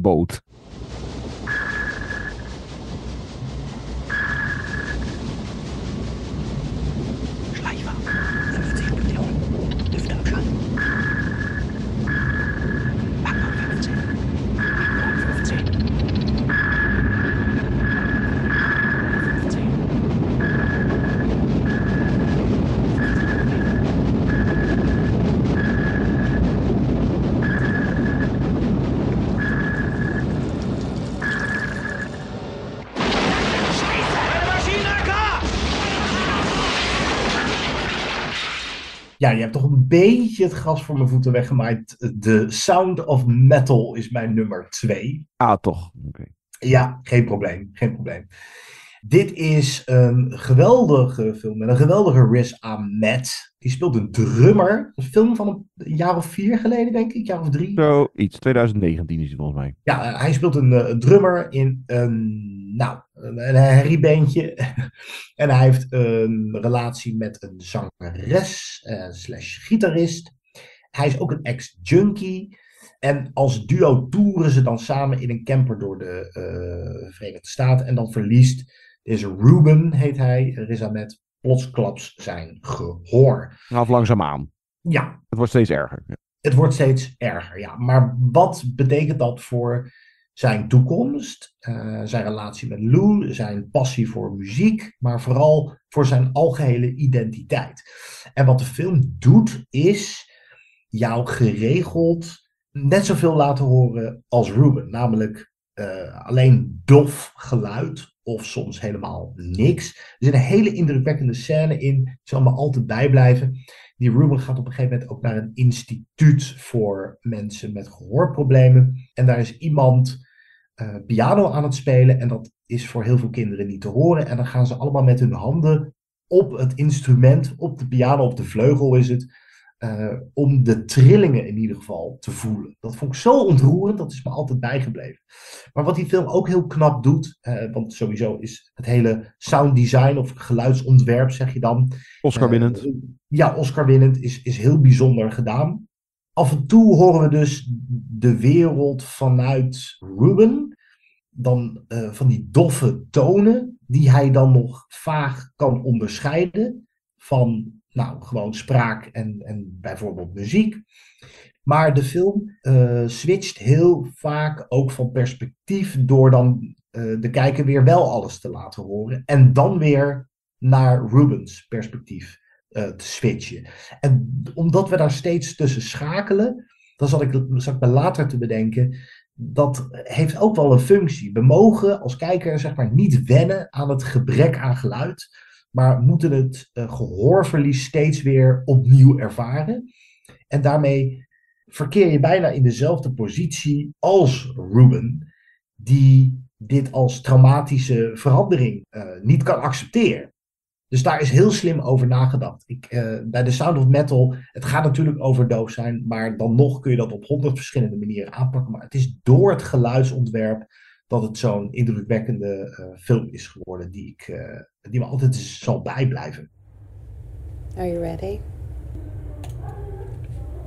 Here we go.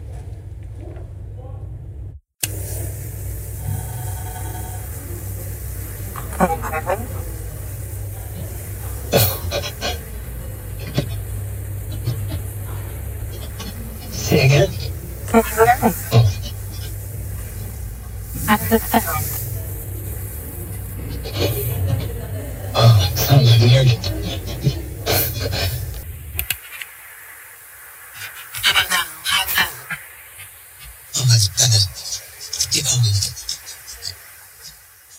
Ja, goede keus.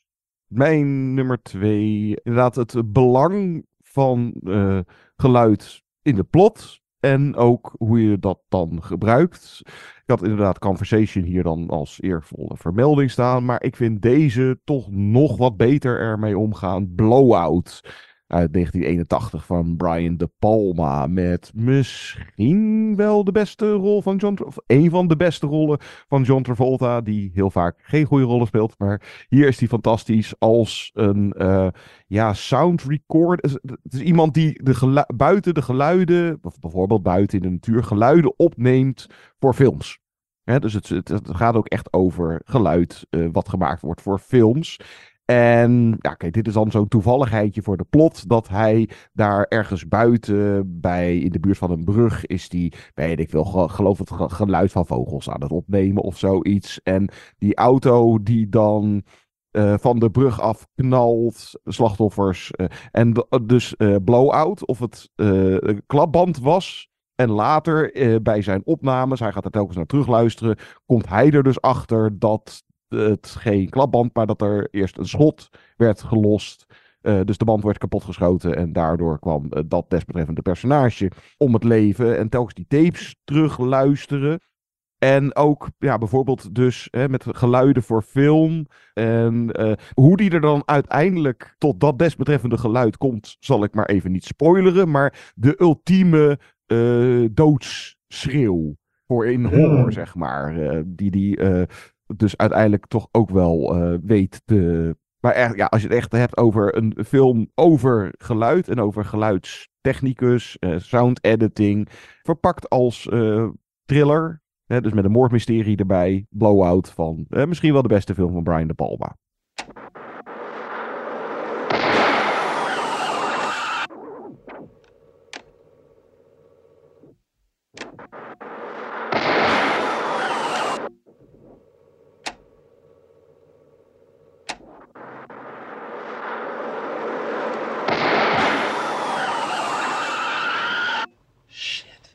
Oeh, die moet ik echt weer eens zien ook. Brian De Palma, toch ook een beetje een uitgelachen filmmaker die toch echt prachtige dingen heeft gemaakt. En heel Zeker belangrijk is ja. voor de filmgeschiedenis. Zeker.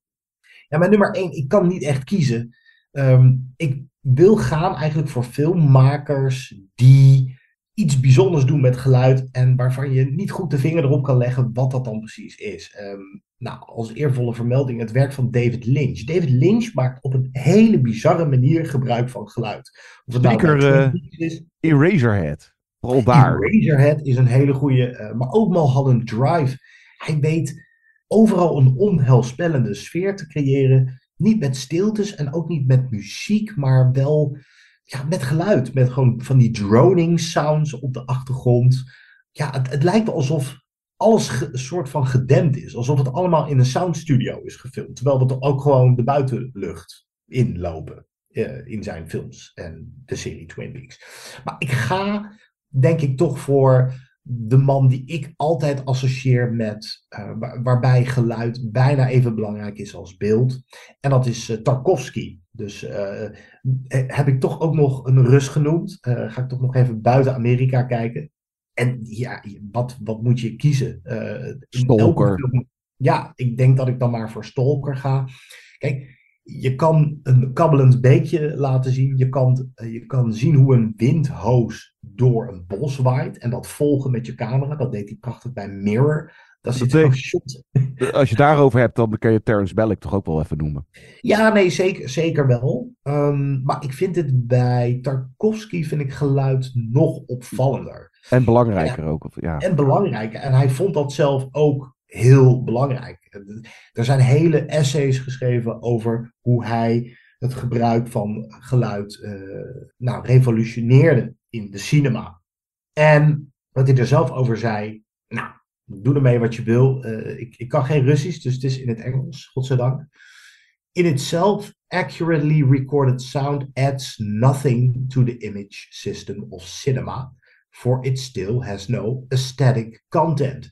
As soon as the sounds of the visible world are removed from it, or that world is filled, for the sake of the image, with extraneous sounds that don't exist literally, or if the real sounds are distorted so that they no longer correspond with the image, then the film acquires a resonance.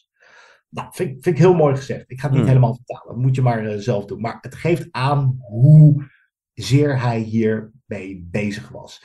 Daar, daar klinkt geen windvlaag of kabbelend beekje zoals in de films van Tarkovsky. En dat maakt het allemaal zo zintuigelijk. Je had het net al over de zintuigen. Maar daardoor eh, voel, ruik, proef, eh, zie je alles anders. En dat gebeurt eigenlijk nog maar zelden. Het, het is ook zo dat bij Stalker merk je best wel, eh, omdat het ook wat oudere films zijn, dat er veel achteraf is opgenomen. Maar dat draagt juist ook wel bij aan het hele ja, mystieke van zijn films of zo. Snap je wat ik bedoel? Ja, het voegt eigenlijk alleen maar toe. Ja, aan, zeker. ja, aan, aan, aan het gevoel eh, wat gecreëerd wordt. Вот вы говорили тут о смысле нашего э, жизни, бескорыстности искусства. Вот, скажем, музыка.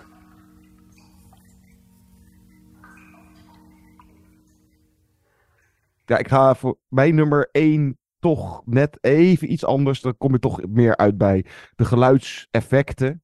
Want ja, ik kon die niet achterwege laten. En dan is de onbetwiste waar je niet omheen kan. Star Wars. Ben Ja, ja. Bird won een speciale Oscar daarvoor. Want ja, er bestond geloof ik ook nog geen... Ja, er bestond wel geluids-Oscar, maar ik geloof dacht ik... Nou, ja, hier, de, de- die heeft überhaupt nooit echt bestaan. Een Oscar voor geluidseffecten.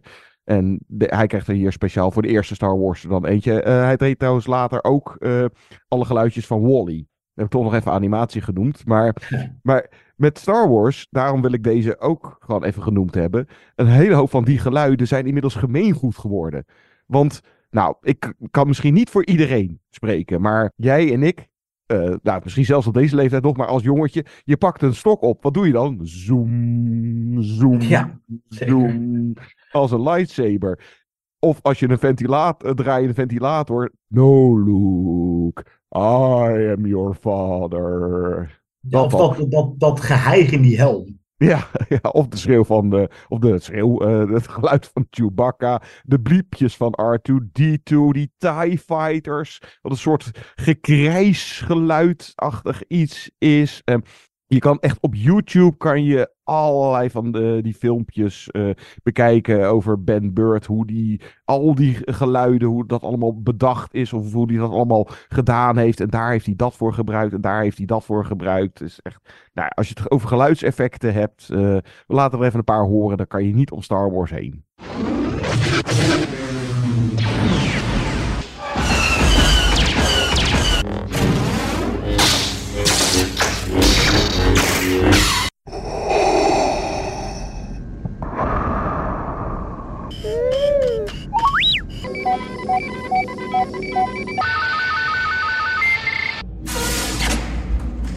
Ja, volgens mij hebben we tien mooie titels genoemd.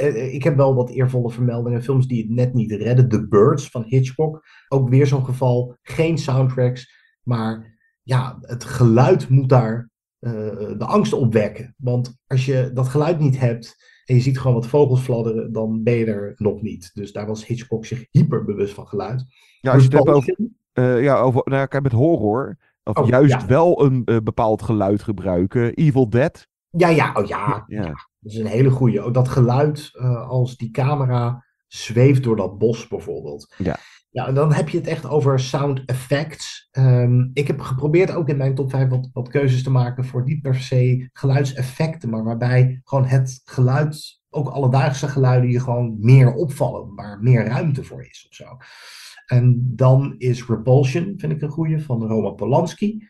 A la The Lighthouse ook de geestestoestand en het langzaam gek worden van in dit geval Catherine Deneuve, uh, versterkt door geluid. Ja, uh, toch weer terug naar de Holocaust. Dus uh, Son of Soul, daar is geluid natuurlijk ook heel erg belangrijk. Uh, daarin blijf je bij de camera op de hoofdpersoon zitten, waardoor alles wazig op de achtergrond zich voltrekt, maar waarbij het geluid ook alles zegt. Ja, in dat opzicht heeft je een soort van uh, raakvlakje, zou je kunnen zeggen. Met, met de zoon. Ja, dat, inderdaad. Ja. Ook dat wat er buiten beeld gebeurt, hoor je. En ja, is ook uh, van, ja, net zo van belang uh, in Son of Soul.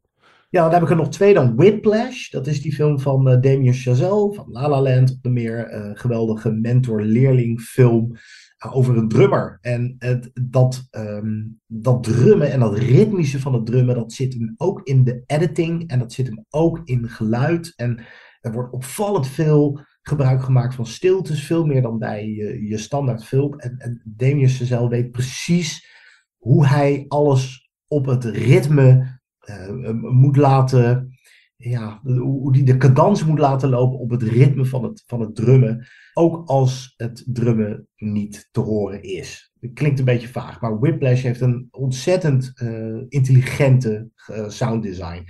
En ik moest toch ook even denken aan Heat van Michael Mann, vanwege die schietscène. Want ik heb nog nooit een, een shootout geho gehoord dat zo'n oorverdovende herrie maakt als bij Heat. En zo hoort het.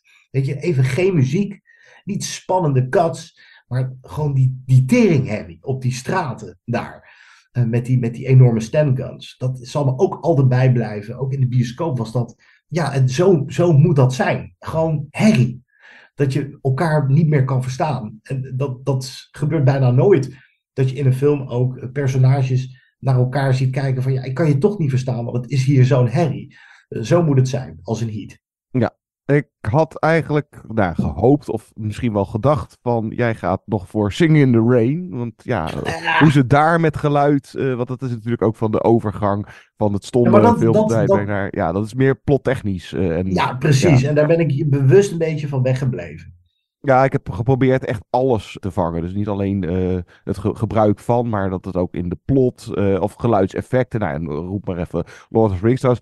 Uh, even kijken, helemaal terug in de tijd van, nou ja, dus een van de classics. Dus toen er nog niet zo heel lang geluid was. Maar M van Frits Lang uit 1931 oh, ja. is een van de bekendste voorbeelden van hoe je nou ja, toen het er net was, hoe ga je gebruik maken van geluid.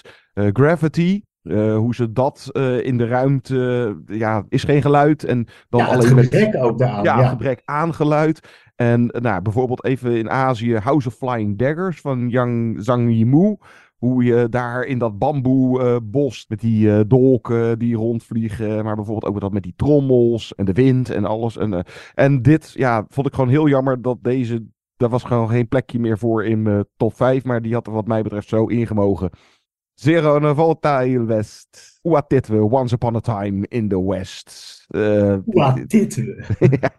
En dan, nou, ik, vooral dan had ik echt specifiek even die openingsscène van, nou, wat, du- wat duurt die? Een minuut of zeven. Die eh, bad guys die daar zitten te wachten op die trein, op dat stationnetje.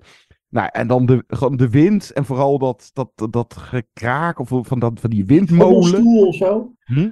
Ja, nou, ja, die wind, ja. ja, windmolen. En dan die ene die daaronder dat, eh, dat gedruppel van de waterdruppels. Eerst op zijn hoofd en dan zet hij zijn hoed op.